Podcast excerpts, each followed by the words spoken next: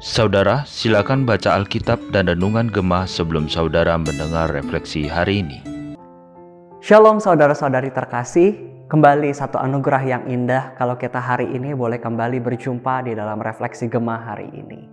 Mari untuk mengawalinya, kita bersama-sama teduhkan hati, kita bersama berdoa. Bapak kami yang di surga, kami sungguh bersyukur karena penyertaan dan kasih setiamu masih boleh kami alami setiap waktu.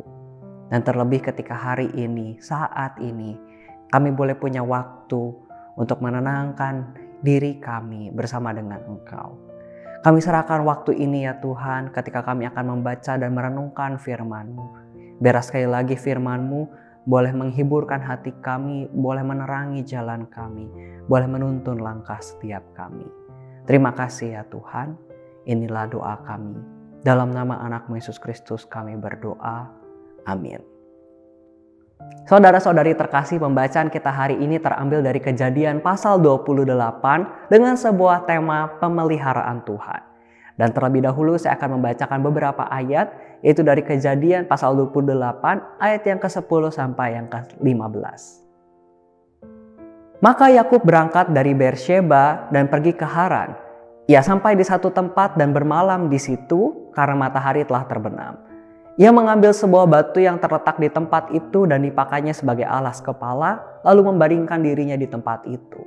Maka bermimpilah ia, di bumi ada didirikan sebuah tangga yang ujungnya sampai di langit, dan tampaklah malaikat-malaikat Allah turun naik di tangga itu. Berdirilah Tuhan di sampingnya dan berfirman, Akulah Tuhan Allah Abraham nenekmu dan Allah Ishak. Tanah tempat engkau berbaring ini akan kuberikan kepadamu dan kepada keturunanmu. Keturunanmu akan menjadi seperti debu tanah banyaknya dan engkau akan mengembang ke sebelah timur, barat, utara, dan selatan. Dan olehmu serta keturunanmu semua kaum di muka bumi akan mendapat berkat.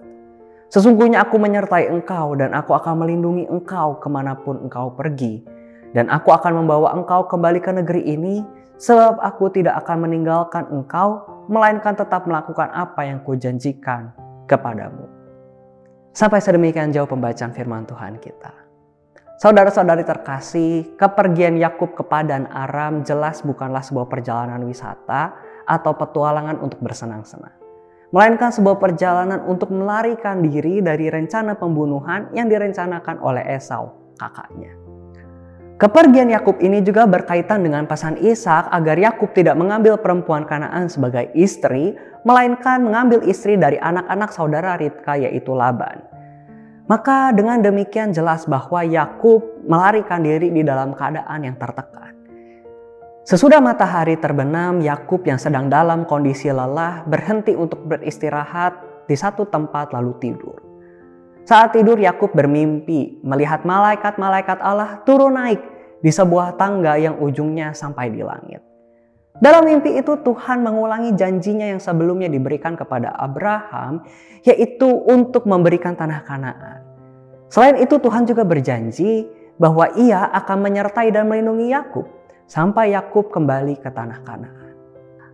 Adanya para malaikat yang naik turun tangga tersebut memperlihatkan bahwa bumi dan sorga sedang terhubung. Allah yang berada di sorga peduli terhadap Yakub dan tidak meninggalkan Yakub. Saudara-saudari terkasih, bila kita mengingat kelicikan Yakub yang merebut hak kesulungan Esau dan merampas berkat yang hendak diberikan kepada Esau, mungkin kita bertanya-tanya, apa yang membuat Allah akhirnya tetap memenuhi janjinya kepada Yakub? Maka saudara-saudari di dalam kejadian 28 ayat 13 dikatakan, Berdirilah Tuhan di sampingnya dan berfirman, Akulah Tuhan Allah Abraham nenekmu dan Allah Ishak. Tanah tempat engkau berbaring ini akan kuberikan kepadamu dan kepada keturunanmu. Mari perhatikan bahwa janji Tuhan itu didahului dengan pernyataan bahwa Tuhan adalah Allah dari Abraham dan Allah Ishak. Jadi jelas bahwa janji kepada Yakub adalah kelanjutan atau pengulangan dari janji kepada Abraham dan Ishak. Sehingga janji itu mengungkapkan kesetiaan Allah terhadap janjinya. Dia adalah Allah yang setia sekalipun manusia tidak setia. Kesetiaan Allah berbeda kualitas dengan kesetiaan manusia.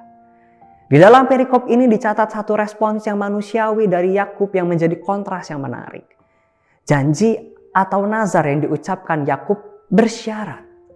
Dikatakan, jika Allah menyertai dan melindungi aku di jalan yang kutempuh ini, memberikan kepadaku roti untuk dimakan dan pakaian untuk dipakai, sehingga selamat kembali ke rumah ayahku, maka Tuhan akan menjadi Allahku dan batu yang kudirikan sebagai tugu ini akan menjadi rumah Allah.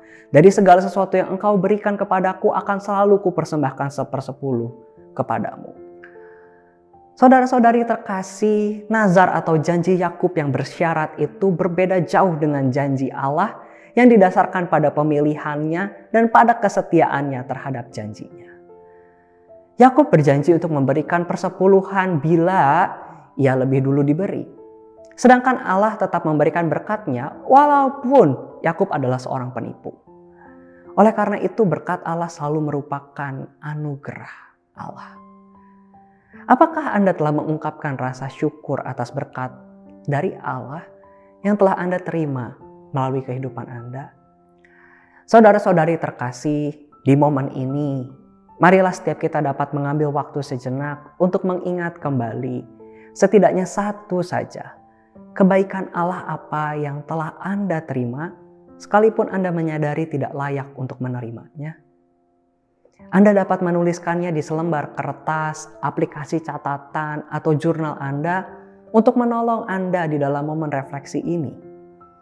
Tuliskanlah setidaknya satu wujud kasih setia Allah yang ditunjukkan kepadamu, dan tuliskan juga apa alasanmu menyadari bahwa engkau sesungguhnya tidak layak untuk menerimanya.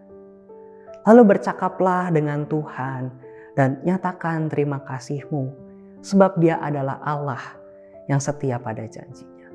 Saat ini saya akan terlebih dahulu menutup perenungan ini di dalam doa dan silakan setelah ini Anda dapat mengambil waktu sendiri untuk mengambil momen refleksi yang lebih mendalam bersama dengan Tuhan. Mari kita bersama berdoa. Ya Bapa, sungguh kasih setiamu yang kami rasakan begitu tinggi melampaui langit biru. Dalamnya kebaikanmu yang kami alami lebih dalam dari lautan terdalam sekalipun. Kami bersyukur saat ini kami boleh kembali dibawa untuk merasakan ketakjuban ketika kami boleh kembali melihat betapa besar kasih setiamu di dalam perjalanan sejarah hidup manusia, terutama kepada umatmu.